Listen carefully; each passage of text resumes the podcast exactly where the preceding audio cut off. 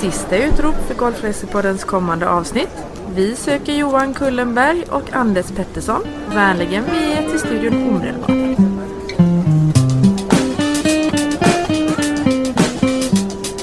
Hallå, hallå! Det är dags för Golfresepodden. Golfresepodden som är en eh, stunds eh, snack om eh, golf och resor. Eh, jag heter Anders Pettersson. Jag sitter tillsammans med min ständiga vapendragare Johan Kulleberg. Hej Johan! Hej Anders! Det har ju varit ett tag sedan vi poddade sist. Ja, eh, vi ska inte prata för mycket om tråkigheter men eh, inspelningsdagen är i slutet av, hoppas vi i slutet av pandemieran. Eh, vi sitter just här nu i februari 2022 och har inte spelat in podd sedan Innan pandemin precis tror jag. någon gång i februari 2020. Två Mm. år. Ja. Eh, det känns spännande. Eh, både Johan och jag är laddade till tänderna. Eh, aningens nervösa och känner oss kanske lite ringrostiga när det gäller podderiet här. Hur känns det Johan? Är du, är du på G eller är du nervös eller var är du någonstans? Nervös är jag nog inte. Däremot så kanske jag känner mig lite ringrostig. Eh, det var ett tag sedan och, och jag tror att det kommer lösa sig efterhand. Ja. Men jag tror att vi kommer igång. Vi får se. Ni som är trogna eh, lyssnare och följare får väl bedöma om vi eh, har tappat det helt och hållet eller om vi eh, ligger kvar i samma goa tugg som vi hoppas att ni har uppskattat tidigare. Eller en helt ny nivå. Kan vara så. Kan vara så. Some bad things make good things happen. Ja. Det finns ju en, en ganska stor nyhet nu i, i just för det här programmet. Ja, vi har fått en eh, ska säga, extern sponsor. Golfresepodden, för er som inte vet om det, är ju eh, en stund i eten eh, där jag, Anders Pettersson och min parhäst Johan Kullenberg pratar om eh, golfresmål, oftast något specifikt golfresmål eh, i allmänhet och en del egna upp, eh, upplevelser. Eh, det är sponsrat av Golf Placir och Out of Bounds Golfresor som är eh, de företag som Johan och jag jobbar för. Men till stor glädje har vi fått en extern sponsor. Eh, I och för sig branschanknuten men ändå. Och det är Spanska turistbyrån som tycker att det här var tillräckligt intressant för att ge oss en klapp på ryggen och eh, vill att vi ska spela in podd om eh, resmål i Spanien. Eh, berätta kort, är det en engångsföreteelse eller är det ett samarbetsformat? Det är väl en början kanske på ett samarbetsformat. Eh, än så länge så är det väl bara två avsnitt. Och, eh, vi har ju fått ganska fria tyglar. Det, det enda är att eh, avsnittet bör ju rimligtvis handla om en, en spansk destination. Ja. Gran Canaria är ju definitivt spanskt. Vilket innebär att du avslöjade precis att det är Gran Canaria som är föremålet för dagens poddande. Absolut. Ja. Ja, kul med sponsorn. Eh, det är ju så att vi i, eh, i den här podden tillåter oss att eh, prata ganska mycket från hjärtat. Så att, eh, hoppas att, att det vi säger faller Spanska turistbyrån i, i smaken. Annars får vi väl... Jag tror inte vi kommer göra några direkta anpassningar på så sätt. Vi har en liten grej som, som vi tänkte att vi skulle eh, trycka på och det var egentligen en spontan grej varför man ska åka till Spanien. Ja. Har du någon Anders? Alltså, eh, eh, en, jag har så många spontana grejer så att jag kan bara rabbla. Eh, men eh, du vet ju och ni som har lyssnat på det här förut vet ju att jag är ju lite grann av en Spanien-älskare. Så att, att solen, golfen, maten, alltså en tapas och en, en eh, efter en bra runda i Spanien är ju för mig eh, en av de stora anledningarna att lämna Sverige för golfspel överhuvudtaget. Så att eh, obvious allt som är spanskt. Du då? Eh, personligen så tycker jag nog är, är till stor del golfbanorna. Alltså de har en närmare 400 golfbanor. Det är ganska stor variation. Det är, man kan få billig golf, man kan få exklusiv golf, man kan få mysig golf. Alltså det finns som en uppsjö av olika typer av golfbanor. För alla eh, egentligen. Men är det verkligen 400 banor i Spanien? Ja, det är det. Det är, det är väl eh, om man jämför med många andra länder så är det ju fortfarande ett land där, där det inte bara försvinner golfbanor utan det även byggs banor emellanåt. Ja. ja, det är intressant. Alltså deras eh, ratio med antal golfbanor per medlem i, eh, i spanska golfförbundet måste ju vara... Alltså de klamrar ju upp där i, vid Tyskland och Frankrike. Kanske Nej, Tyskland och Frankrike har nästan dubbelt så mycket. Ja Så men att- så- ändå. De har väl också dubbelt så mycket golfare tror jag som är registrerade. Ja, de har ju närmare dubbelt så många invånare också. så att, så att det, det, det finns en logik i det där. Sverige är väl det som sticker ut om man, om man säger så. Som inte är så logiskt att vi har så pass många golfbanor. Ja, det är vi som har många per capita och Ja. så de brittiska länderna och det har ju sin förklaring ursprungligen. Island tror jag har flest. Faktiskt. Är det så? Ja. De har eh, extremt många golfbanor i förhållande. De har ju bara vad är det, 350 000 invånare och har en, eh, ja, ett 40-tal golfbanor. Ja. Eh, vi, jag tror vi släpper det. Ska vi gå in på... Nästa avsnitt. Mm. Eh, det är då destinationskollen som är en salig röra av eh, din googling och eh, samlade erfarenheter. Det är Johan-format på det här så att tar du och drar igång din presentation av Gran Canaria som, som golfdestination så, eh, så ska jag se om jag kan bidra med någonting. Mm, jag får nog eh, köra på här för det, det blev lite längre avsnitt än vad jag hade tänkt mig. Ja. Eh, men, Det är ett ganska vanligt. Det känner jag igen sen gammalt poddande att vi har väldigt svårt att klämma in det på den där timmen som vi har tänkt oss. Men Eh, blås på! Ja, men om vi börjar med, med själva golfen så eh, i det här avsnittet då, eh, så, så kommer vi egentligen inte prata om alla golfbanor på Gran Canaria. Utan vi kommer fokusera på Anfitauro, Meloneras och Maspalomas som alla ligger om man ska säga, som i den södra delen utav Gran Canaria. Ja. De har totalt sett åtta banor. Eller man kan säga egentligen att de faktiskt bara har fem banor. Eller sex. Okej, du får förtydliga. Eh, Salobro har ju 36 hål. Mm. Eh, eller har haft 36 hål. Under själva pandemin hade de bara 18 hål. och det där har jag inte hängt med på. Är det... Ja, de stängde 18 hål för att de ansåg att eh, beläggningen var så pass låg. För att inte behöva hålla den i topptid? Ja, så det, det jag tror de har jobbat med då är att behålla bunkrarna, eh, vad säger jag, green, klippa grinen och vattna och, och så. Men, men, men banan har då inte, den har legat lite i träda. Men den kommer ju förmodligen öppna upp igen. Det är ett begripligt beslut och ganska klokt kanske. Eh, sen på norra delen så har de ju kanske den banan som är, jag ska inte säga mest känd, men det är i alla fall den äldsta banan i, i Spanien. Och det är Bandama. Ja. Eller, den har ju ett annat namn också. Real Club de Golf va? Ja, precis. Eh, Las Palmas. Och den, den eh, öppnade redan 1891. Men den öppnade ju inte på den här platsen utan den öppnade ju utanför Las Palmas. Och sen, som, som händer relativt ofta med, med gamla banor, att de Mm. växer in i staden och så helt plötsligt så får de flytta på sig. El Prat, Barcelona. Ja, El Prat tror jag flyttar till och med två. Nej, vänta, det är bara en gång. Från flyg... Flyttar från flygplatsen upp i Ja, bergen ja, där den ligger mm, nu. mm. Men eh, visst är det så. Och den här flyttade då på eh, 50-talet så öppnade de igen. Eh, sen, sen har de även El Corch, Corticho. El Cortijo. El Corticho. Den har jag tyvärr inte spelat. Inte jag heller. Nej, men den, jag har hört att den ska vara ganska bra. Jag har hört också att den har haft lite ekonomiska problem genom åren. Bytt ägare emellanåt och eh, Ligger Eh. lite underligt till va? Sådär nästan som åt, ovanför ett industriområde. Jag vet att vi tittade på den professionellt för att eventuellt ha med den i några Mm.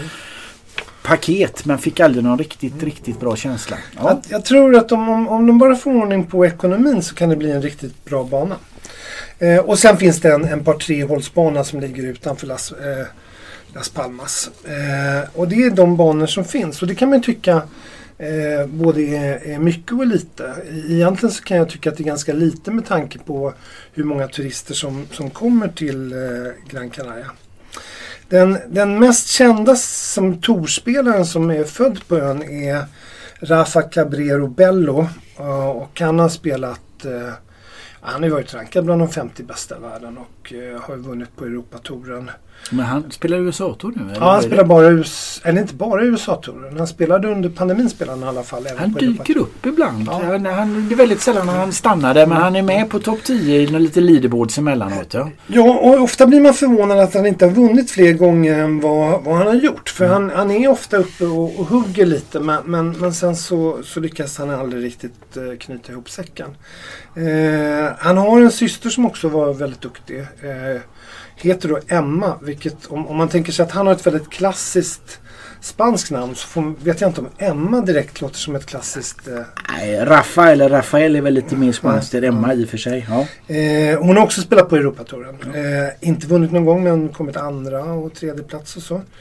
Ehm, Och Rafa var knuten till Loppesan-gruppen som driver en av banorna, Melonerasbanan, i under en längre tid. Inte längre så vitt jag vet. Eller? nej de, jag tror inte de hade råd att ha kvar honom i och med att han blev så För pass... duktig. eh, För, ja, för duktig. Det är ju ofta det som är nackdelen om man sponsrar en, en lokal spelare. Att man, man, man ser till så att de kommer ut och att de klarar sig. Ja. Men sen när de, när de väl slår igenom så, så är det svårt att, Ja. att, att behålla dem. Eh, jag tror det är en annan hotellkedja som hör till Dubai som heter Ja... Yes. Nej, Nej. Ja. Ja. Ja, ja, ja. ja. Mm, mm, mm. Eh, som han är sponsras utav nu. Och eh, han är egentligen ursprungligen så började han spela på Bandama. Som nästan alla, alla, alla som bor på ön. Ja. Alla locals Ja. hör till Bandama. Går man där och tittar så kan man se Lite klubbmästare han, som är klubbmästare. gamla... han och Emma och hans, deras farbror eh, dominerar eh, själva listan. Ja, det var Eh. kul. Jag vet att han var ju på, under tiden som han var sponsrad av Loppesan så gjorde vi ju en del grejer tillsammans. Jag vill definitivt minnas att han här omkring i våran monter på någon utav eh, Scandinavian Masters tävlingarna. Var det Brohof eller Ja, jag tror det var? Brohof där vi hade, vi hade väl en eh, simulator där som man kunde slå. Just det! Driv ut Raffa. Ja, precis. Och vi hade någon från eh, svenska långdrivinglandslaget också. så, att, så att det var en liten, liten tävling mellan torspelarna och långdrivinglandslaget. Lång. Ja. Blev lite löjlig tävling för jag tror att eh, långdrivinglandslaget har ju, de har ju en annan uppgift någonstans. Deras enda uppgift är att slå långt. Så att det, det, det, det blev en klar seger. Eh, annars är det väl så att eh, Gran Canaria och Teneriffa är de två öar som har eh, högst kvalitet på golfen och även tävlar om att vara vad man ska säga som Kanarieöarnas number one golf destination. Ja, det där har vi ju berört tror jag i något annat eh, em, avsnitt av podden. Just den här två storebröder och två lillebröder. Eller den här eh, kategoriseringen med Fuerteventura Lanzarote som kargare, mindre exploaterade, färre golfbanor, lägre standard och lägre pris. Mm. Och Gran Canaria och Teneriffa som de lite mer väletablerade med fler banor och lite lyxigare stuk kan Ja, man väl säga på sin dyrare golf. också, Och, faktiskt. dyrare, ja, precis. Eh, om, man, om man går in på rena fakta då så Las Palmas är ju huvudstaden. Och den ligger på den norra delen. Och där bor nästan alla som jobbar på den södra delen. Så det, det blir lite konstigt. Det går en liten motorväg däremellan. Ja, Och eh, Eh, den är nog ganska viktig i och med att eh, merparten utav, jag ska inte säga att merparten av alla invånare bor där, men de har en 378 000 invånare vilket är rätt stort. Det är ingen, alltså det är ju större än Malmö. ja. Så Det det är är ju svårt också eh, hur man mäter vem som är invånare vem som är gästarbetare. Det Ja. måste ju vara extremt svårt för dem att veta. Men, men visst är det mycket folk. Det är en välbefolkad ö på det ja, viset. det är, ja, En åtta- riktig ö med riktig, alltså Las Ja, Palmas är precis. ju verkligen en riktig stad. Ja, och det, det, det är 850 000 invånare totalt så, att, så att det, det, börjar närma sig en miljon invånare och det, det är ingen jättestor ö. Nej. Eh, den är den tredje största utav Kanarieöarna. Både Teneriffa och Fuerteventura är större. Så att, eh, eh, det här är tättbefolkat helt enkelt. Eh, högsta berget är nästan 2000 meter högt. Eh, och det, det är väl inte så dåligt. Däremot så är Teide eh, en bit över 3000 och det högsta berget i, i Spanien. Då.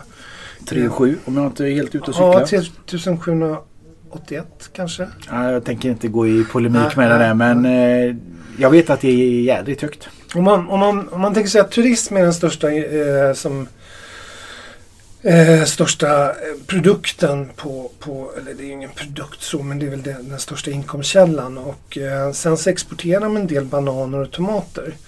Och då exporterar de ganska mycket av de här eh, kanariska bananerna som enligt EU-stadgar inte får kallas bananer längre. Nej. Det blev Vad är lite- de? För små eller för korta? Ja, Eller de för är för krokiga eller? korta och för krokiga och för små. Så, så, att- så att, eh, de, de odlar en del EU-bananer också fast de är ju mer i eh, växthus då runt, runt ön. Men, men annars är det ju de här eh, små korta och det är inte matbananer alltså så här som man som man kan ha i Sydamerika som, Nej. som är, är vanligt i Karibien nästan som Mm, potatisliknande frukt. Utan det är, det är riktiga bananer bara att de inte de håller inte EU-standard för vad en banan ska vara. Och det innebär också att vadå, de exporterar dem egentligen till spanska fastlandet? Ja, jag tror det. Mm. Eh, Jag tror inte att det går att exportera riktigt inom EU och kalla det banan i alla fall. Nej. Så att eh, det är väl lokal export antar jag. Eh, Där kommer ju säkert någon, någon eh, lyssnare upptäcka att nu är de verkligen ute. Ja, men det ingår i konceptet Johan att vi ska freebasea lite grann. Så att, nu har vi precis bestämt att en viktig inkomstkälla det är kanariebananer till spanska fastlandet. Eh, tittar man på stränderna så är det är en hel del eh, faktiskt bra stränder. På, och det är ju, Fuerteventura brukar ju ofta anses ha bäst stränder på, på Kanarierna. Men eh, eh man måste säga att utanför Maspalomas, den här eh, naturreservatet med sina dunes är ju Ja, det är ju häftigt. Det är häftigt. Jag vet inte, det, det är inte riktigt strand. Det är ju mer som en bit öken som går hela vägen ner i Mm. havet. Eh, Det känns ju faktiskt ökenliknande. Eh, Det är coolt. Och det är ju öken. Det är ju Mm. liksom en förlängning på Afrika så det är inte så konstigt att det ser ut Sahara-likt. Och det, där blandas det ju rätt friskt mellan, mellan barnfamiljer och även en hel del nu, nu, nu kanske jag också är ute och svävar lite tyska eh, nudister. Men, men, men det finns en hel del, en stor del utav den stranden är även eh, öppen för eh, nakenbad. Eh, tittar man på, på turismen så eh, där, där var ju den första chartern gick ju på 50-talet. 57 landade den första chartern och den var faktiskt från Sverige. Det är ju lite komiskt att det var Sverige och alla 54 passagerare landade välbehållna. Så det var inte så många som var med på, på själva charterflyget. Är det här nygooglat eller? För jag har för mig att det gick från Köpenhamn den första. Den där pa- prästen och Kärrborg. Vi kanske inte ska gå i polemik här. Ah, ah. Jag vet att de fick mellanlanda två gånger i alla fall. Ja, ja, men det Nej, de den fick. kan ha gått ifrån Bulltofta, Ja, Malmö jag för ja. mig att det gick Bulltofta Malmö. Det, det, det, det skriver i alla fall ganska många på, på, på nätet att Ja. den första gick från Sverige. Ja. Och att det, det var ju eh, väldigt få platser egentligen. Eh, tittar man på de olika öarna så, så eh, Gran Canaria är ju eh, kanske den ö man skulle kunna tro hade flest turister. Men, men, men eh, det är så att Teneriffa har ju nästan en miljon, mer än en miljon fler turister. Det är 3,6 miljoner till Gran Canaria, 4,8 till Teneriffa. Sen är det ju Lanzarote och Fuerteventura har ungefär 2,3 miljoner var. Eh, Ja, det är lite lustigt. Man skulle ju tro att Gran Canaria är störst för den är liksom kändast på något sätt. Och sen så personifierar den ju liksom Kanarieöarna. Eh, men eh, den är ju rätt otillgänglig. Alltså jag tror det finns mer yta där det var inte fullt lika svårt att bygga hotell. Även om Teneriffa också är, är, är berget så är ju det är mycket berg på Gran Canaria alltså. Det är inte mycket platt yta.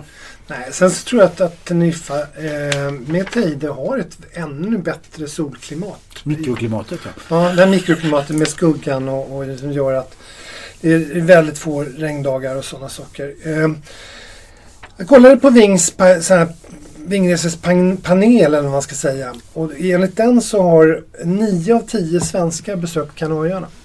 Oj! Det är rätt mycket.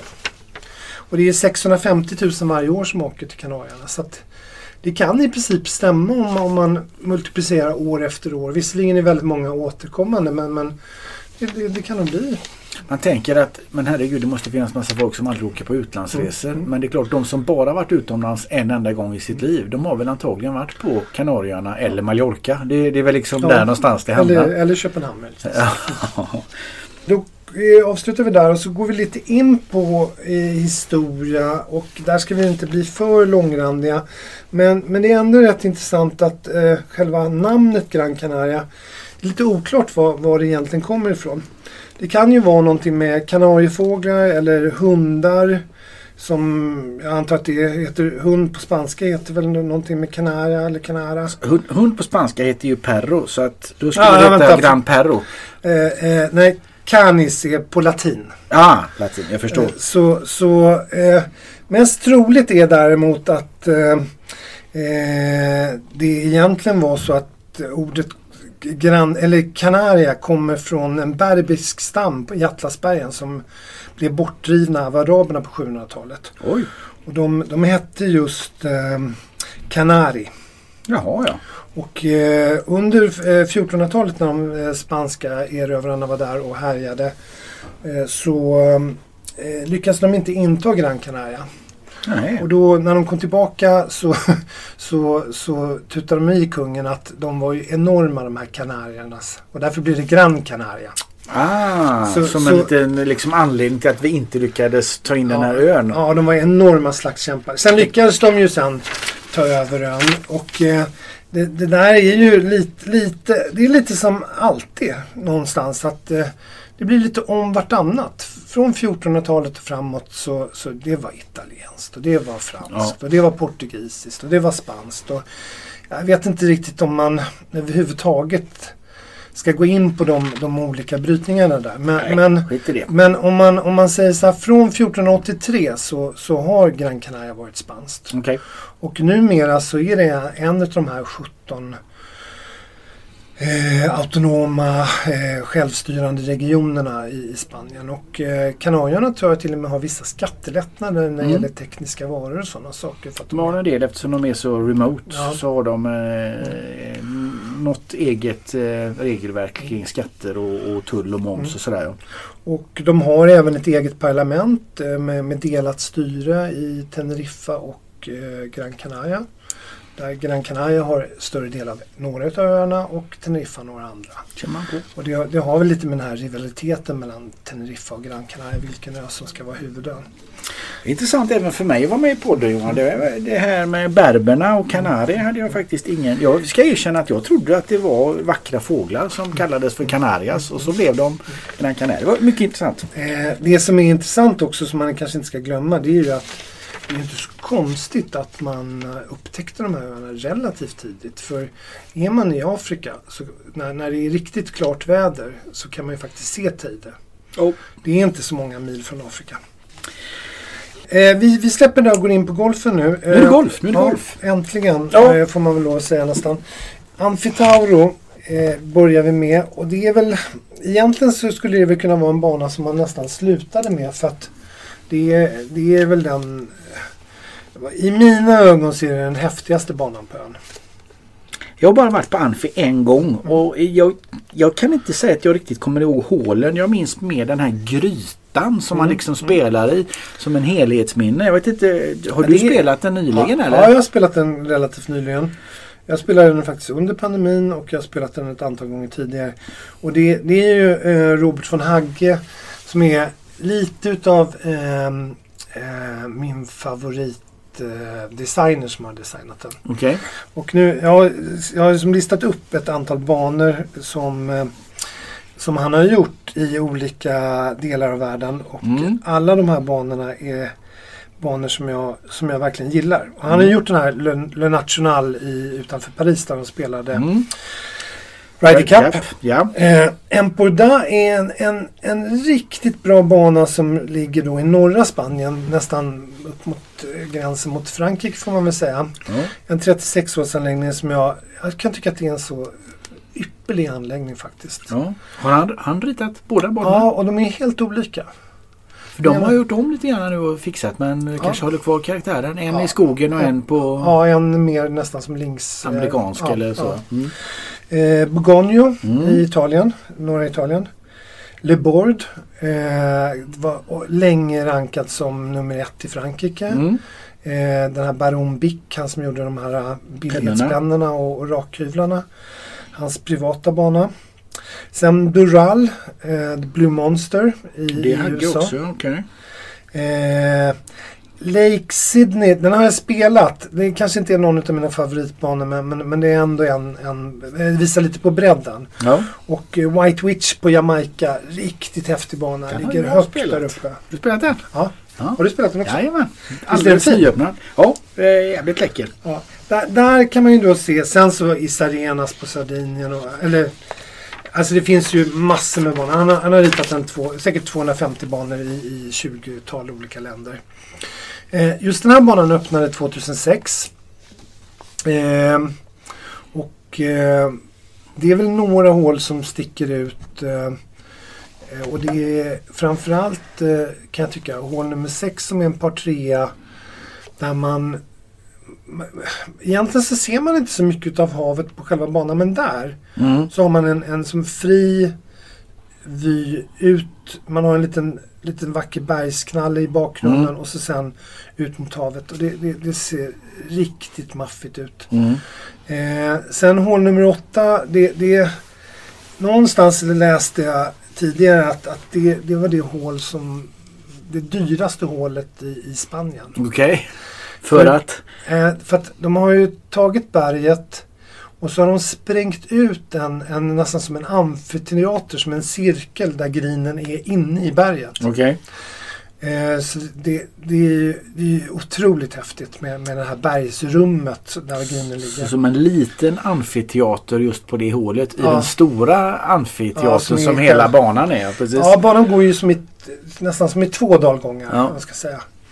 Ehm, väldigt häftigt. Sen, sen hål 13, nu blir det väldigt mycket par treor. Hål 8 var visserligen par 4 men, men hål 13 är den här par trean som ligger lite högre upp och så sen så grinen ligger som ute på en udde. Mm. på, på, på som, det ser ut som det, nästan som att grinen ska falla ner över kanten. Det är Mm. otroligt häftigt hål. Där, där, där, och det är inte långt. Jag hatar sådana hål som är långa. Det här är ja, kanske 120-130 meter. Men, men ack så, så oförlåtande om man inte eh, träffar rätt. Det är lustigt, det var många banor det där signaturhålet är en par trea på Mm. 120 meter. Det är liksom det är de man kan trycka ut Mm. på kanten av ett berg eller med den perfekta sån här infinity viewn eller så. Det är väldigt ofta som det är korthål som är liksom då spektakulära. Ja, men jag tror också att man, man på något sätt så man behöver inte tänka i två slag. Nej. Eh, en par fyra eller en par femma så tänker man i två till tre slag. Att utslaget ska vara bra och nästa slag. Här är det egentligen bara nästa Det är slag. en enda upplevelse. Man Och- ställer sig på tee, och, det, det peggar upp. och sen är det väl eh, rent ekonomiskt så är det väl smart att göra bra par Ja, treor. det. Man får För mer ska för pengarna Du ska göra fyra på. stycken par treor. Om du kan få dem att bli signaturhål då, då, då glömmer folk bort att du hade en ganska tråkig par femma som gick rakt fram.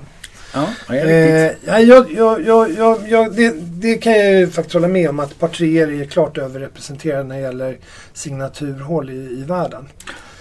Ehm, och jag, jag gillar den här Arizona-stilen, den här öken. Alltså att det är mer kaktusar, kaktusar än träd alltså på, Ja. på själva banan. Och det det är lite kargt men, men det är ändå, ändå charmigt. Och det är som snygg design rakt igenom. Det som är lite rörigt är, är att de, de jag vet inte riktigt varför men de, de, de har aldrig byggt det här riktiga klubbhuset utan eh, själva klubbhuset som inhyst i, i, i någon eh, jag vet inte vad det är, någon slags lägenhetshotell i bottenplanet och, och sen så får man åka en liten bit för att komma till eh, eh, hål nummer ett. Och, och det, det, just den biten runt omkring är inte så golfig. Nej, jag tror att det där är väl en följdeffekt av att man eh, när det gäller Amfitauro som på många ställen när man bygger eh, golf som en turistanläggning, alltså från scratch en turistanläggning så, så kan det ibland stöka till sig med vem som investerar och vem som driver och vem som tar över och jag tror att det där var ju väl tänkt som en helhetsanläggning med hotell, klubbhus, golfbana vid något läge. Men det här lägenhetshotellet som du nu beskriver har ju då nu för tiden egentligen ingenting att göra med Nej. banan. Men klubbhuset blev aldrig byggt och då blev det kvar där det skulle ha varit som ett tillfälligt. Och, och så länge det inte finns en tydlig ägare som har en, en vision om att bygga golfhotell och klubbhus så liksom, det får funka som det funkar. Man- man det, det blir ju så- så ibland att man, man liksom fullföljer inte projekt så som de var tänkta från början. Nej, och det, det tycker jag man kan se på ganska många ställen. Ja. I, i, i både, eh, inte bara på Gran Canaria men, men över, överlag. Ja. Och, och tittar man på Melonera så finns det ett stort utrymme på banan som, som är en slags grushög. Ja, Där det ska vara ett golfhotell det egentligen. är väldigt vanligt att man har, är det ett litet klubbhus så kan man oftast tänka ut att ah, där borta mellan sjuan och åttan Mm, mm. så egentligen är det nionde hålet som skulle vara ettan. Det är så de har tänkt när de byggde det men det blev aldrig av. Det ja, jag håller med, det är Och vanligt. det, det var länge så på Costa Navarin också att man hade något provisoriskt hål så man spelade egentligen inte banan i den ordning, eller provisoriskt klubbhus innan de fick ordning på Bay Course. Absolut. Ehm, Thracian Cliffs. ja, Helt baklänges. Ja. Man börjar ju på det som är tänkt som hål 14 eller vad det är för Vilket är alldeles för svårt. Ja, nej, det är intressant. Eh, och det där, det där är, alltså det är egentligen ganska illa för många gånger om det är en bra designer så har man ju designat banan utifrån hål 1 till 18. Visst är det så. Eh, om man vill ha ett viss, viss typ av avslutningshål och, och starthål och så. Eh, det är ju en bana som man kanske med, med, man nästan föredrar att, använda golfbil faktiskt. För det, det, det blir en del eh, upp och ner eh, om, om man går. Ehm, Det känns som en bana som många petar in en gång under Mm. en vecka. Mm. Är, det, är det bra? Räcker det med en gång där? Den är ju lite spektakulär. Är den för svår för att ligga och spela fem gånger? Eller vad Mm. tycker du om den? Nej, Jag, jag personligen skulle jag nog kunna spela den eh, eh, en hel vecka. Jag, Okej. jag tycker den är så pass om, eh, om man säger så här. eh, Det är så pass intressant mix på, på hålen och Mm. eh, det, det finns en hel del eh, utmaningar som, som, som växer och, och det Ja. finns en hel del olika sätt att spela hålen. Men, men, men jag tror att för, för, inte för att jag är någon direkt superbra golfare så, men, men för gemene man så kan det också vara ett helvete att spela den här banan. Mhm. För det är ju raviner och det är, det är, du kan ju verkligen hamna i, tr- i trubbel om du inte, om du inte är säker från. Och, Mm. och det, det, det, alltså, så, så att jag kan förstå att man många gånger lägger det som en eller två runder i ett golfpaket på Mm. fem eller sex runder. Mm. Eh, och, och det, kanske, det kanske inte är helt fel. Och, och just den här avsaknaden av klubbhus gör ju också att man eh, det är en stor del av semestergolfen. Ja, Nu- den där terrassölen ska Ja, ju... Nu kan man få är den på lägenhetshotellet. Ja. Det är alltså det är bara att man som får gå igenom en entré och in. Mm. Och det, det naturliga är att man som släpper av golfbilen och så sen så tar man åtta steg och så Ja. har man en kall öl i handen. Eh, Det är ju så man vill att det ska vara. Det är definitivt så man vill att det ska vara. Eh, och det, det, det finns ju inte riktigt här. Francisco som, som jobbar där. Eh, han är, jag vet, nu vet jag faktiskt inte om han är kvar. Men han var kvar i alla fall för något år sedan. Eh, och eh, han är ju upptäckte jag när, när jag spelade Bandama på norra delen. Att det är där som han är medlem. Det är nog inte helt ovanligt som du sa förut. Alla, alla golfare som är locals de är medlemmar på Bandama. Det är där man spelar. Och sen så jobbar man på de andra banorna här nere på sydsidan. Och det, det var ju ändå lite komiskt när man sa nej ja men jag, nu är jag ledig så nu spelar jag golf. Eh, men... Eh, eh, Ja men Anfitauro då. Jädrigt läcker bana. Definitivt värt ett besök. Ehm, och lite grann av din favorit. Ja, och det, det är faktiskt också den banan som är bäst rankad på ön. Okej. Så det, det, det är inte bara jag som tycker att den är bra. Eh, sen, sen så förstår jag om, om vissa människor kan uppleva den som lite, lite just den här Arizona-stilen eh, med waste areas och kaktusar och, och rätt mycket eh, vad man ska säga, raviner är, är ju något, kanske inte för alla. Nu ska vi inte nörda på eh, Salobro denna gången utan kanske spara till eh, framtida avsnitt. Men är det lite likt Salobro skulle man kunna säga det? För den är också av Arizona-karaktär. Eller är den här mer Ah, spektakulär? Nej, den här är mycket mer spektakulär. Mm. Den norra banan som just nu är stängd Mm. på Salobra eh, liknar den här banan lite men det är lite, faktiskt lite sämre design på den norra banan jämfört med den här. Ja. Nu har de ju byggt om den flera gånger för att göra den skapa större landningsområden och sådana saker. Så att eh, den norra banan är definitivt inte dålig. Eh, om vi, eh, det var en grej som jag faktiskt missade i den här inledningsfasen och det var det här lite med mat och dryck. Som vi alltid brukar ha med Ah, i, Ja, ja. i våran eh, De säga, typiska faktakoll. maträtterna. De- Dels de vi känner till och dels de du har googlat upp Ja. som vi aldrig kan uttala. Ja. Eh, om man tittar på dryck så är det ju en del av de här korta bananerna som de inte kan sälja till resten av Europa. De verkar de i alla fall göra bananlikör utav. Okej. För det, det, det tycker jag man ändå, ändå har druckit ett antal gånger när man har varit inte bara på Gran Canaria utan även på de andra öarna. Ja. Eh, de har också en... en eh, Dricker du aldrig bananlikör i Sverige eller? Nej.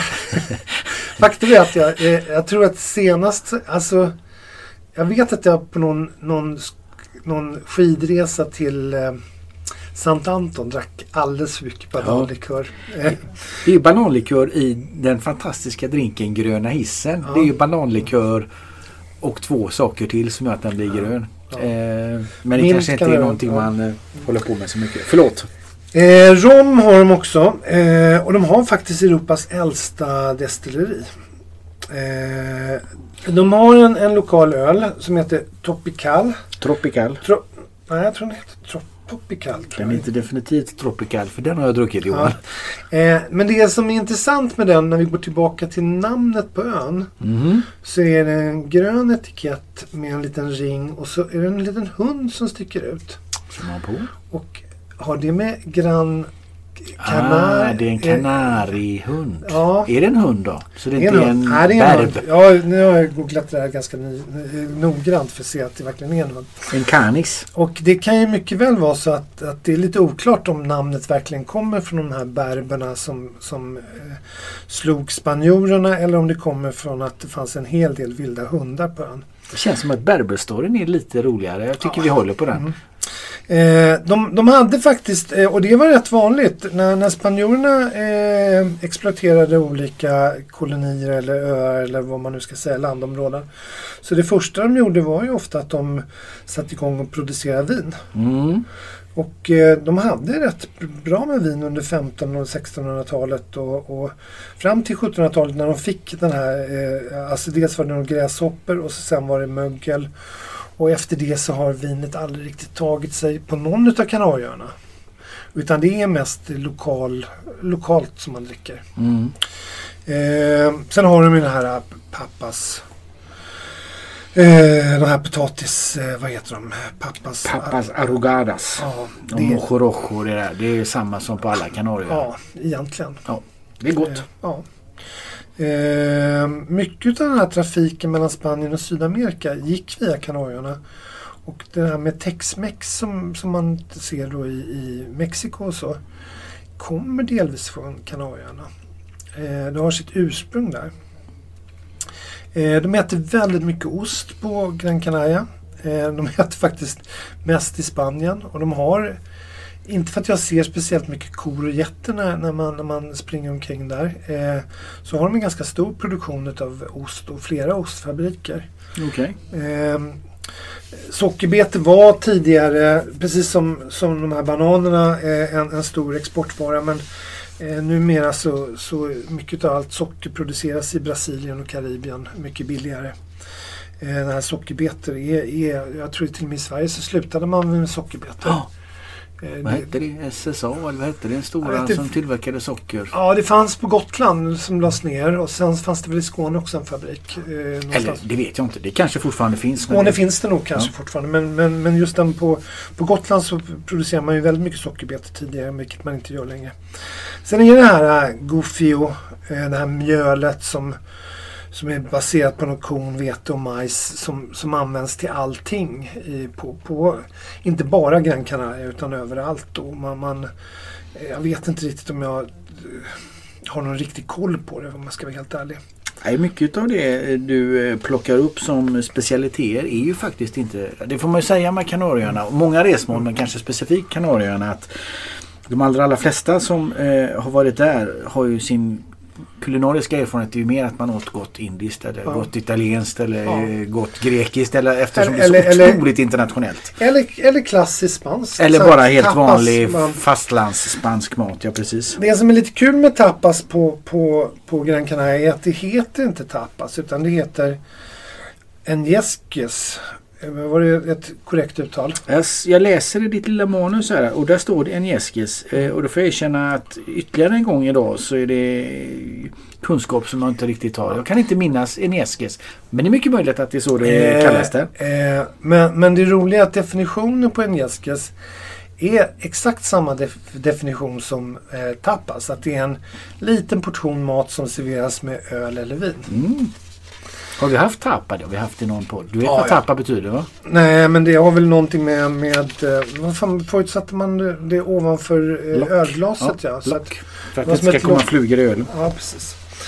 Eh, eh, om vi går vidare till eh, den bana som eh, kanske är lite utav en sån här Sverigefavorit. Eh, och det är ju då Meloneras Golf som ligger utanför ett utav de, vad man ska säga, mer om man nu ska säga nya områdena. Men Meloneras var väl lite nytt om man säger så. Lite mer femstjärniga hotell och sådana saker. Ja, det var väl lite så att när Maspalomas var klart så ville man bygga mer och då så tänkte man att men här finns ju massa öken på bortsidan Ja. av, av fyren där. Mm. Och så smängde man upp det där lilla shoppingcentret och sen så kom hotellen efter, ett efter ett Mm. upp för backen mot, Mm. mot golfbanan där. Jag kände som att varje gång man kom till Gran Canaria så hade de byggt ytterligare tre hotell längs med den där eh, vägen upp. Så nu är det ju en, en egen turistort i sig kan man säga, eh, Meloneras. Ja, absolut. Och eh, de har också ett, eh, en strandpromenad fram till den här eh, fyren och sen kommer då nationalparken med, med, med de här eh, milslånga stränderna. Vad ska säga. Nu vet jag inte om det är milslånga stränder men det är relativt långa stränder. Mm. Själva banan meloneras. Den designades av Ron Kirby. Och eh, han, han, är, han är ganska stor. Han är ganska stor på Kanarieöarna också. Han har, eh, han har arbetat med både Robert Trent Jones Sr och Gary Player och Jack Nicklaus. Men han har också ritat ett 70-tal banor i eget namn. Okej. Eh, han har bland annat ritat Old Head på Irland som är en ganska spektakulär bana. Mhm. Men både Lanzarote Golf, Salobre Golf, Chandia och även en av dina gamla favoriter, Almerimar. Eh, Men det är Gary Player, är det inte det? ja, det är Gary Player men han är med och det är just hans samarbete med Gary Player. Att han, Ah, okej. han och Gary Player ritade den tillsammans. Sen att vi skriver Gary Player kanske mer eller trycker mer på att det är Almerimar en Gary Player-bana har väl kanske lite med att eh, ändå att Gary Player är ett lite tyngre namn. Eller vad skulle du säga? Ja, plus att de själva sätter ju honom som designer. Ja. Rätt eller fel. Så då, då är han ju... Ja. Då är det en Gary Player course. Mm. Det är väl i och för sig extremt vanligt bland de här designerna. Det har vi också varit inne och snurrat på någon gång att att de är med i olika stor utsträckning. Framförallt eh, de gamla spelarna Mm. eh, i, i sina designer. Sen är det väl så med Gary Player att han har varit extremt engagerad i de projekt han Ja. har gjort. Det tror jag. Och verkligen varit på plats och pekat och ritat och, och lagt sig i så att säga. Och, Ja, Det är nog ganska stor skillnad. Jag, jag hörde någonstans att om, om man tittar till exempel på eh, Costa Navarinos och, och Lassa Bali har ju varit extremt engagerade i de här två nya banorna som har ritats där. Medan de själva sa att eh, kanske att Bernard Lange var där ett par gånger på sin Ja. höjd. ja, Och, eh, eh, så det är lite olika i Ja. engagemanget. visst är det så. Eh, Visst är det så. Men, men eh, bra betalt har de i alla fall. banan öppnade i alla fall 2006 och det var ju faktiskt samma år som man öppnade även Amphitaurer. Så att, eh, eh, och sen 2006 så är det egentligen bara Salobre North, då, den banan som är för tillfälligt stängd, som, som har öppnat. Mm. Eh, så att det har inte hänt så mycket med, med golfen på Kanarieöarna de, de senaste 15 åren om man säger så. Ja. Eh, när jag var där första gången, vilket var då kanske inte så långt efter 2006. Det var ju IGTM 2006. Då vet jag att då var jag uppe och tittade. Men då var Ja. den inte uppe nu. Eller om det var 2005 kanske. Ja, jag tror, jag var inte, det var en av de som inte jag var på faktiskt. Men, men jag vet att eh, jag var där kanske 2008 eller liknande. Och spelade banan och skrev även våran eh, eller Golf Precis har det här som ett av resmålen. Skrev även den texten. Att eh, första nio var ganska man kan vara ganska yvig med driven. Och, men det var ju kanske inte så konstigt för palmerna. De har, de har ju planterat eh, kanske en, vad är det, 5000 palmer eller sånt. jättemånga palmer. ja. De var ju bara en tvärhand höga då. Eh, När jag spelade för, jag har ju spelat den eh, periodvis genom tiden här, men, men när jag spelade för, för ett år sedan så, så visade det att de där palmerna har blivit rätt höga och faktiskt gör att man kanske inte kan vara så yvig. Nej. Nej. Skrev, du om, skrev du om webbtexten? Jag hoppas att jag gjorde det. jag, jag tror det faktiskt. Ehm, eh, men eh, de har ju spelat Europatouren här. Eh, och det var ju faktiskt, om vi nu, vi sa ju att innan att vi inte skulle prata så mycket om pandemin men det var just under pandemin som man gjorde en liten sväng över Kanarieöarna och spelade dels eh, på Teneriffa två, två veckor på samma bana och eh, eh, sen eh, så var man även då på, på Gran Canaria och spelade Meloneras. Och det var rätt kul att se. Med både här och damtour va? Nej, jag tror nog att... Nej, det vet jag inte. Det kanske var både här och damtour. Men jag, Jag kommer, jag kommer ihåg att, att det, jag tror det bara visades på TV i alla fall från, från herrtouren. Okej, ja. eh, och jag, eh, jag kollade på det eh, bara för att jag tyckte att det var så intressant att se hur en resortbana klarar sig i de här Mm. sammanhangen. Mm. Och, och den är inte speciellt lång. Den är under 6000 meter från Mm. VT. Och, och, eh, eh, par, visserligen par 70 då. Eh, nu lyckas de ju som ladda upp den till 6140 meter. Okej. Eh, vi pratade med Rafa tidigare som eh, Cabrero Bello. Ja, precis. Och, eh, han tränade mycket där så de, de har faktiskt om, om, om, man, om man spelar där så, så har de ju inte några direkta back-back-team. Men man, om man tittar riktigt, noga på kanske en, ja det är nog 6-7 hål. Så, så kan man hitta eh, extra back-tee som ligger en bra bit bak. Ja, Raffatis. Som är Rafa Tees. Eh, och de kom säkert till användning Ja. under den här. Men det hjälpte inte så mycket för de vann ändå på 25 under par. Ja. Vilket är lite av en kross. Eh, även det är om- lite för mycket, eller? Det har med väder och vind Ja, att göra det också. blåste måste nästan blåsa. ingenting. Det blåste, ska hade, blåsa där för att det ska vara... Den är ju byggd för att ta vind egentligen. Ja. hade det blåst lite så tror jag nog att det, det, de hade ändå nog spelat så här en 17-18 under i alla fall. Men, Mm. men, men det, ja, spelarna var nöjda. Eh, de tyckte att grinerna var lite tröga jämfört med eh, kanske med fastlandet. Eh, eh, och tittar man på banan som helhet, eh, så vad, vad tycker du? Jag tycker att den är... Jag tycker att den är en sån här resortbana. Den är liksom playable. Det ser läckert ut men det är inte extremt svårspelat utan det flyter på ganska bra. Mm. Hyggligt stora griner, hyggligt logiska hål. Man, man liksom vet precis hur man vill bete sig. Och eh, det känns som att det är en ganska stor kader av golfare. Det kanske är mer en motionsgolfar njutning än en riktig tävlingsutmaning möjligtvis. Så känner jag det. Det, det är kanske inte en bana som man bara wow. Jädra fräcka men- hål och vilka grejer. Om man pratar om att Amfitauro har lite mer sådär Mm. kittlande hål så känns det, det här mer liksom stabilt och trevlig golfbana. Den är ju jädrigt uppskattad utav, utav svenska golfare. Inte minst de gäster som vi har i Golfplacier och Out som många åker tillbaka och spelar en hel vecka eller två hela veckor på samma bana.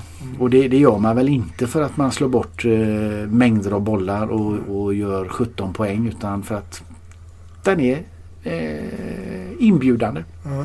Jag håller med delvis. Eller jag håller kanske inte riktigt med. Jag har alltså inte varit där på eh, över 10 år. Ja, ja, jag har varit där. Jag har spelat en... För mig är den, minns jag den som ganska ny fortfarande mm. vilket blir rätt fel då.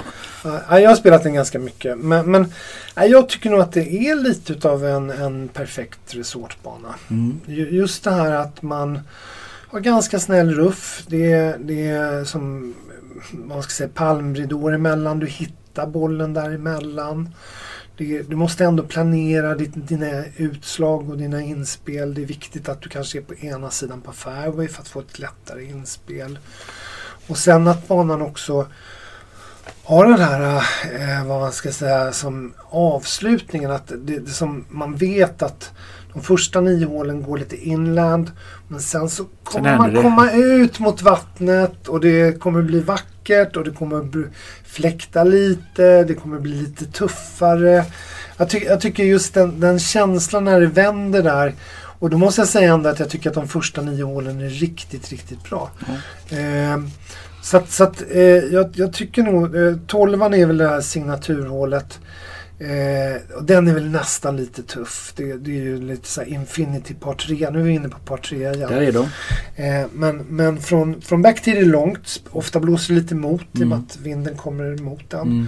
Och då, då blir det väldigt tufft. Men, men 13, 14, 15, 16. Alltså hela avslutningen där är, är, är väldigt, väldigt fin faktiskt. Och, och, Men på det viset är den också smart byggd för att vara en resortbana. För att eh, som tävlingsbana spelar det ju ingen roll. Det är klart man ska ha de tuffa hålen mot slutet även i tävlingssammanhang. Men, men just det där att få en liten pers innan man kommer de där åtta stegen till ölen på klubbterrassen Ja. som du pratade om. Eh, Man vill ju, det är ju där man ska ha eh, de tuffa hålen. Eh, och jag, jag tycker det är lite fint också det här med att man, man ändå har offrat lite eh, vad man ska säga, mark längs vattnet Mm. till att bygga en golfbana även, även på Kanarieöarna. Mm. Där, där man ofta då kanske har ett enda hål som går ner mot vattnet för att kunna visa att man, Mm. man går ner mot vattnet. Mm. Check på det. Eh, här är det ändå 12, 13, 14, 15, 16 va, så tror jag som går längs vatten. Sen Mm. 17, 18 tillbaka. Vilket som du säger är väldigt ovanligt. Ja. Nu bara tänker jag efter. eh, Bara snurrar igenom. Man ser ju vatten från höga punkter. Mm, mm. Lite här och där. Men hela vägen ner till vattnet och vända. Ja det är ju de där korthålen på eh, Amarilla på Ja. Teneriffa. Där, där är ju Ja, två hål som är nere och vänder. Bonavista är ju... Buena Vista. Ja, ja. Det är riktigt. Det finns, det finns ju lite undantag alltid. Eh, men, men, men, eh, men rent generellt så, så och, och där kan man ju se också marinan nedanför. Jag vet att eh, senast jag var där så, så käkade vi lunch ute på piren där. Ganska trevlig Mm. restaurang. Mm. Eh, och eh, där, där, där, det sa vi ju tidigare att, att själva klubbhuset på Meloneras eh, matchar ju inte riktigt banans kvalitet. Nej. Och det, det ska man inte glömma att, att för vara en eh, resortbana så, och, och så pass hög beläggning som det är på den så håller den alltid väldigt bra finish. Mm. Det är aldrig 100% perfekt. Det är lite, alltså det är inte långsamma griner men det är inte snabba heller. Men, men, men det är, allting är så pass bra som man förväntar sig. Mm. Man kommer ner, fairway ser bra ut, tee ser bra, det är välklippt, det är snyggt. Det är, Ordning och reda, professionella. Ja. De är väldigt professionella faktiskt. Det, det får man verkligen säga. Eh, jag tänkte lite på, det finns ju en del personligheter. Eh, vi har jobbat rätt länge med, med framförallt den här Lopesan-gruppen som delvis då, eh, ja de äger ju Meloneras Golf. Ja. De äger eh, åtminstone 50% i Maspalomas. Ja. De äger väl en stor del utav Amphitower också. Det är lite diffust med ägandet. Det är väl därför det är som det är med, med Ja. projekten och deras utveckling. Men absolut, de är delaktiga i det mesta där nere. Ja. Och, eh, och det, det gör ju att, att eh, just den här ö-mentaliteten är ju lite speciellt. Jag tänker kanske framförallt på Cameron Proctor som var klubbchef där tidigare. Ja. Ja, det var ett samarbete. Han, men han var ju i och för sig ingen öbo. Han var ju kanadensare. Ja, men, eh, Men han hade han anammat. anammade verkligen ö-mentaliteten. Ja, nej, det, det är lustigt det där när man har en, en, en relation med, eh, i vårt fall då partners som det blir när vi fixar golfresor och de ska ta emot gästerna. Eh, hur den kan byggas upp på olika sätt. I hans fall så byggdes den väl upp mestadels genom konfl- konstanta konflikter om hur saker skulle vara. Och ju mer osams vi kunde bli om det ena eller det andra desto bättre blev det när vi väl slöt fred. Så att eh, det var väl verkligen ett sätt att, att, eh, att bygga en djup relation. Att konstant tvista om allt ifrån eh, det var för många gäster eller för få gäster. Eller för tidiga starttider eller för sena. Eller för, ja, det var alltid någonting att tvista om. Och en extremt bestämd herre. Men, men det, som, det som blir kul är ju när den typen av samarbete ändå för, för, någonstans så slutar det med en, en, en slags vänskap. Ja visst är det så. Eh, jag, jag vet, nu, nu jobbar han inte kvar. Han, han, eh, hans lite eh, speciella stil där han är ganska, han är ganska tuff i sin stil. Absolut. Eh, någonstans tror jag att han var tuff mot fel person i, i den hierarkiska organisationen men det verkar lite oklart. Men, men då vet jag att han, eh, han ringde mig när, när, precis innan han skulle sluta och vi pratade i någon timme. Eh, och, då kände man någonstans att "Äh, Fan vad tråkigt att han ska sluta. Ja. Samtidigt som man känner bara också Fy fan vad mycket skönare det kan bli. ja. Och så sen i, i slutändan så vet, vet man, kan man som inte bedöma det. Jag kan Nej. tycka att det hade varit kul om han var kvar. Och det, Så är det väl alltid relationer med, med, med affärer och med annat. Men det är klart att en person som alltid säger väldigt tydligt vad han tycker är ju på ett sätt lättare att ha att göra med än någon som, eh, som lindar in det eller som är otydlig. och framförallt när man väl har kommit överens så Ja. gör han det som han säger att, han, att vi tycker tillsammans. Visst är det så. Så, det så, så på så sätt så var det ganska bra. Jag tänkte på nästa, nästa eh, det är egentligen den sista golfbanan då. Just det. Och, och det är Mas Palomas. Mm. Och det är då en, eh, det är en lite äldre bana. Mm. Och det, det tycker man, eh, alltså man märker det så fort man kommer dit egentligen. Definitivt. Det var ju så man byggde golfbanor eh, på... Nu är det du som har koll på åren men den är väl från 70-talet eller Ja, 68 öppnade den. till och med så pass ja. Det är Ross McKenzie. Eh, han är skotte. Bland annat designat Turnberry. Och eh, även Bandama då. Så att han var väl där. Gjorde Bandama först och så tyckte de att den blev bra. Antagligen var han där då och gjorde om den här när de flyttade Ja, Banama ja, 57. 50, 57, och så tyckte de ja. att de... För det här är ju det här är ju mer hitta ytan och så lägga ut hålen så som naturen ser ut. Det är ju inte kört så mycket bulldozer på Bandama utan de, Ja, de ligger ju ja, precis du som menar de snarare är. på Maspalomas? Eller på Maspalomas, ja precis. Eh, det sen blev jag nyfiken på designa Turnberry. Den, han den är väl liksom designad Ja, precis. av sig han, själv. han, nej, men och sen har han ju, han är ju en utav flera som har som ritat om Fixa den. till Ja. det. Ja. Mm. Den har nog blivit omdesignad sedan dess flera Ja, gånger ja, om. ja. Men, men det finns en liten skottkänsla i, i, i- banan tycker jag ändå.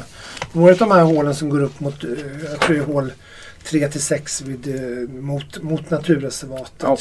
Så får man ändå den här lite, lite Ja, det är ju med sanddyner. Alltså, eh, links i sig. Kopplingen mellan havet och eh, betesmarken. Det, det är ju sanddyner det går ut på. Så att eh, på det viset så finns det ju någon liten linksig känsla. Även om det är rätt långt ifrån en linksbana. Det får man väl ändå säga. Det är mer parkbana men du har lite det stuket på, på några av hålen där du har de här sanddynerna. Det är, det är en... Eh, jag tycker också det här är en bana som delvis växer lite mot slutet. Eh, Jag vet inte, jag tror jag har på hål 16 med en stor damm framför. En ganska tuff... Nu är vi inne på par 3 igen. Nu är det på tre. Jag tänkte säga det. Nu är det Eh, Men även signaturhål. 18 är ett hål som man är ganska glad om man går ifrån med ett par. Ja. Eh, så att, så att eh, det, Är det, det är inte inte någon walk in the park. När vi pratar om att, att det är en, en bana som man har lagt ut utifrån eh, den natur som fanns så kan man väl säga att många av de mest uppskattade banorna i hela världen som Royal County Down och, och alltså de är ju precis utlagda. Ja. så, som på ett naturligt sätt. Ja. Eh, eh, det här är väl lite, lite mer att man har lagt ut den i naturen men även planterat en del träd också. Ja. Så, Nej, det är svårt att sätta fingret på det här vad som är modernt och inte modernt. Men det känns som att det är just den här lilla shapingen som är nu för tiden. Att man ändå lägger ett litet lager med, med onduleringar. Mm. Som inte är på en bana som Maspalomas. Utan den är mer som den Maspalomas, som naturen var. du behöver ingen golfbil på Maspalomas. Nej, precis. Utan det, det, det är egentligen ganska platta fairways. Och det, det, det är klart att, att eh, eh, de linksbanor som finns i Skottland de har ju en naturlig ondulering på fairways. Ja.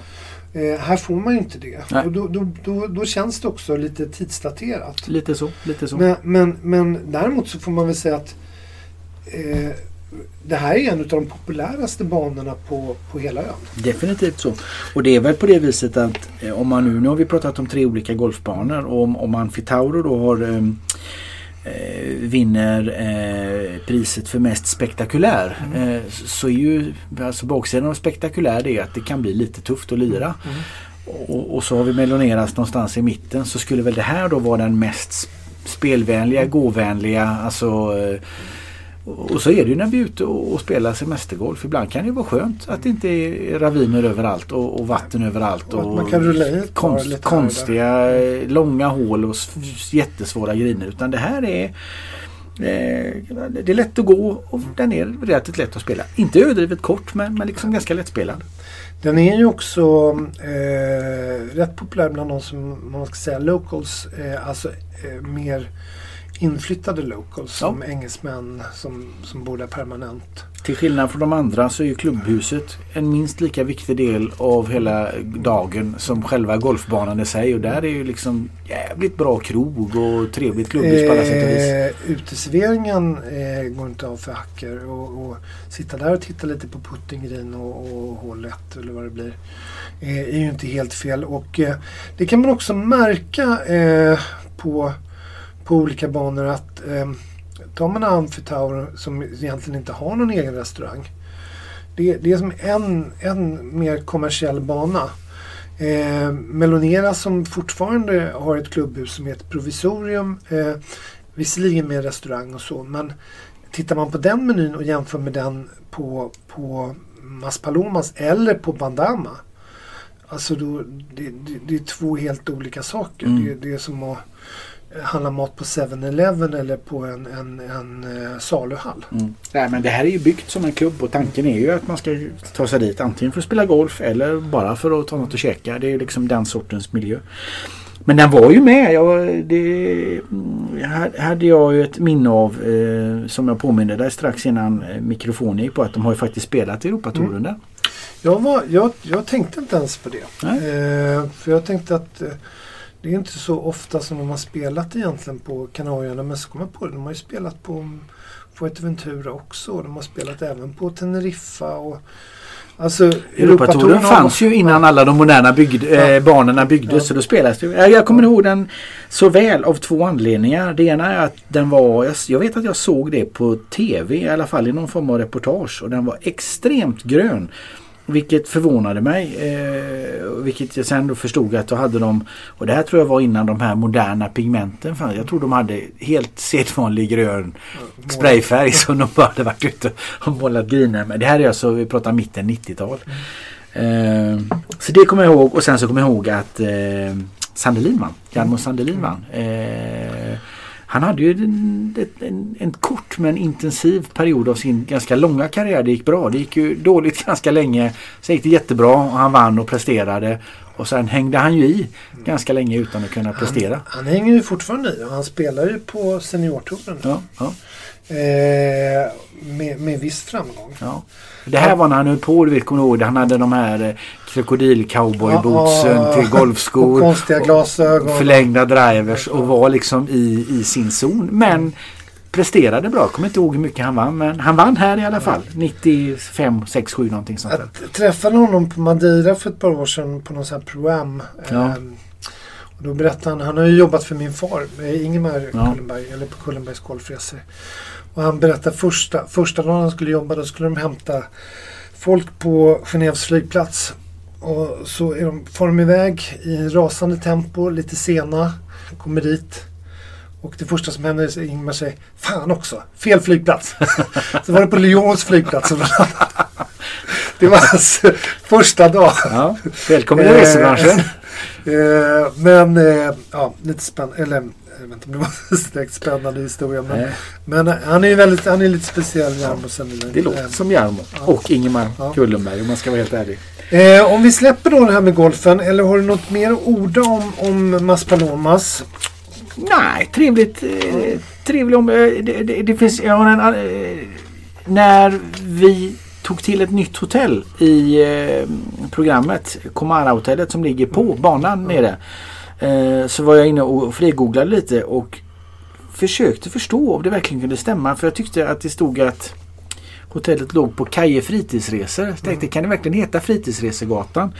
Men det gjorde det. Och då när jag gick in och tittade på Google Maps såg jag att alla gator i området runt Palamas heter resor. Det är så Kaje Ving, Vingresegatan och Fritidsresegatan och de namnen som var när det här byggdes.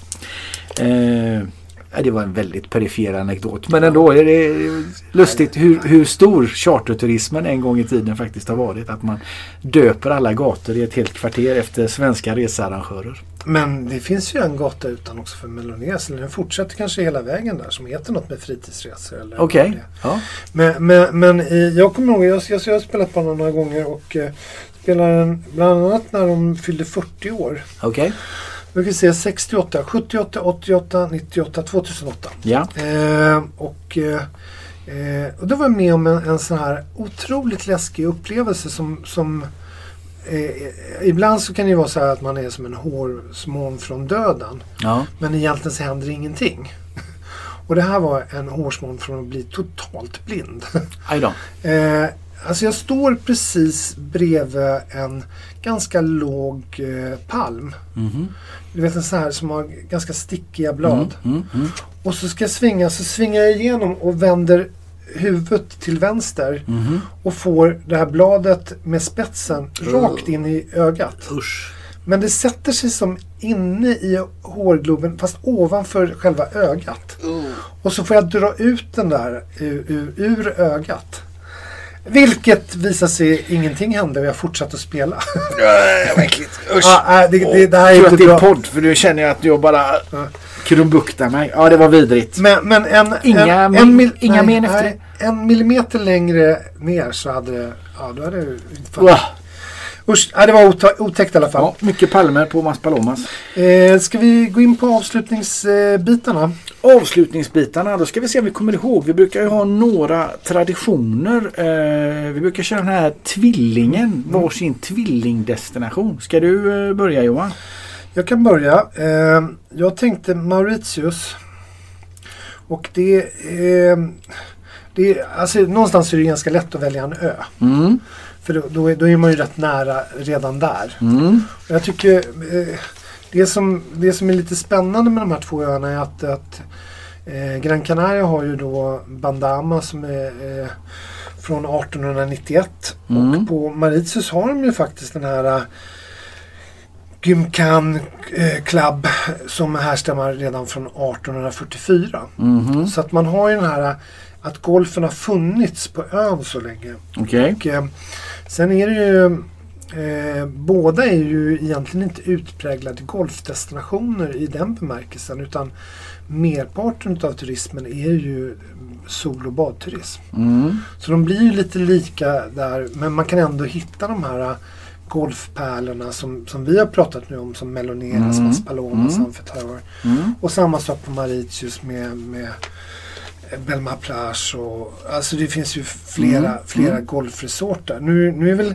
kvaliteten på, på golfen är väl om Ja, jag ska inte säga att den är bättre på Mauritius men, men det är lite, lite Det är häftigare Väldigt bra i alla fall. Ja, ja. det är svårt att hitta något som är bättre än Mauritius många gånger faktiskt. precis.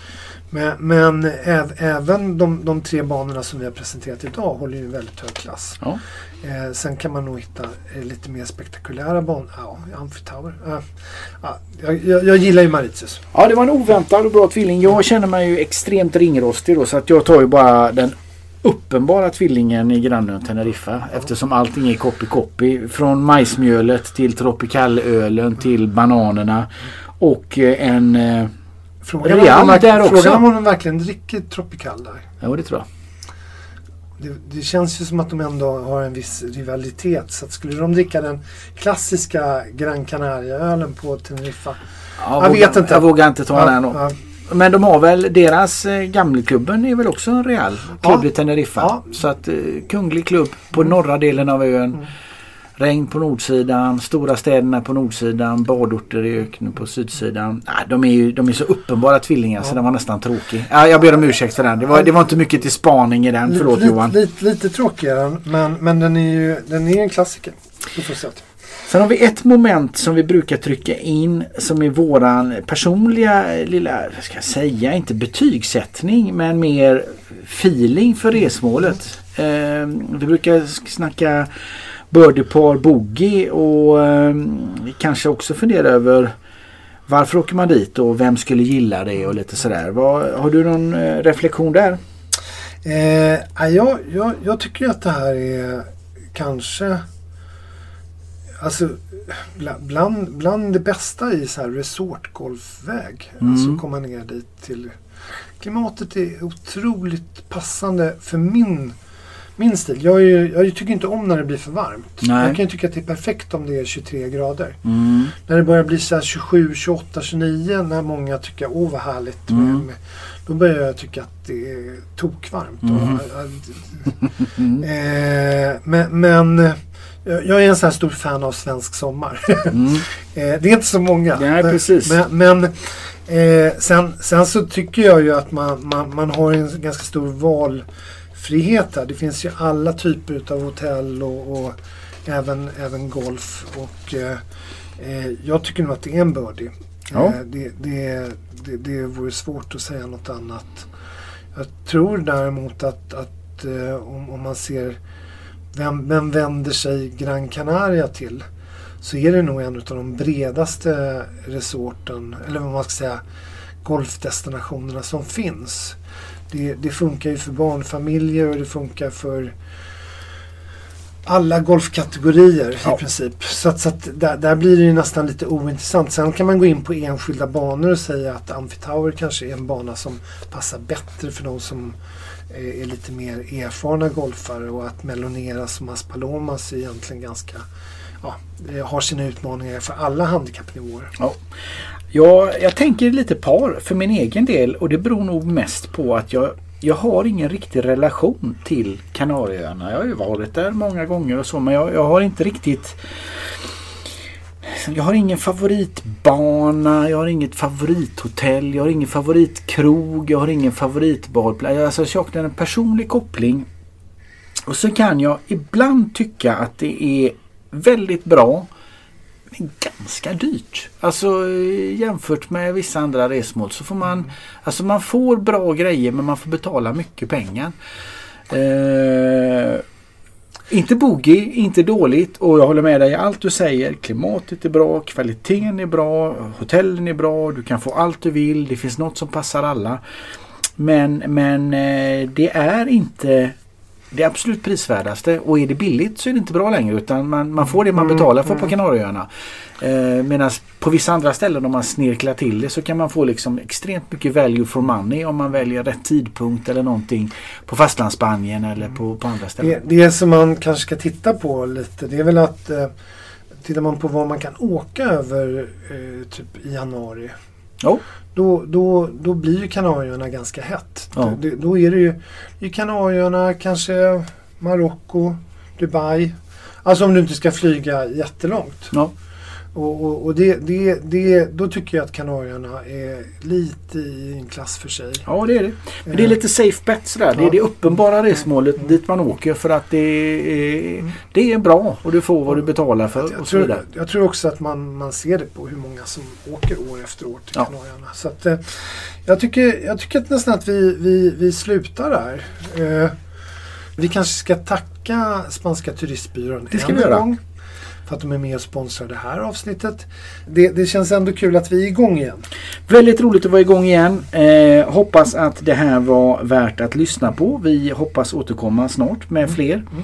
avsnitt av Golfresepodden. Vi räknar med att komma med ett avsnitt i månaden. Ett avsnitt i månaden. Det är uppfattat och ska jag lägga in i kalendern att det ska spelas in. Mm.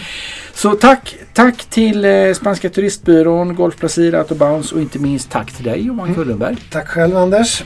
Ha det bra! Ha det bra. hej. hej. hej.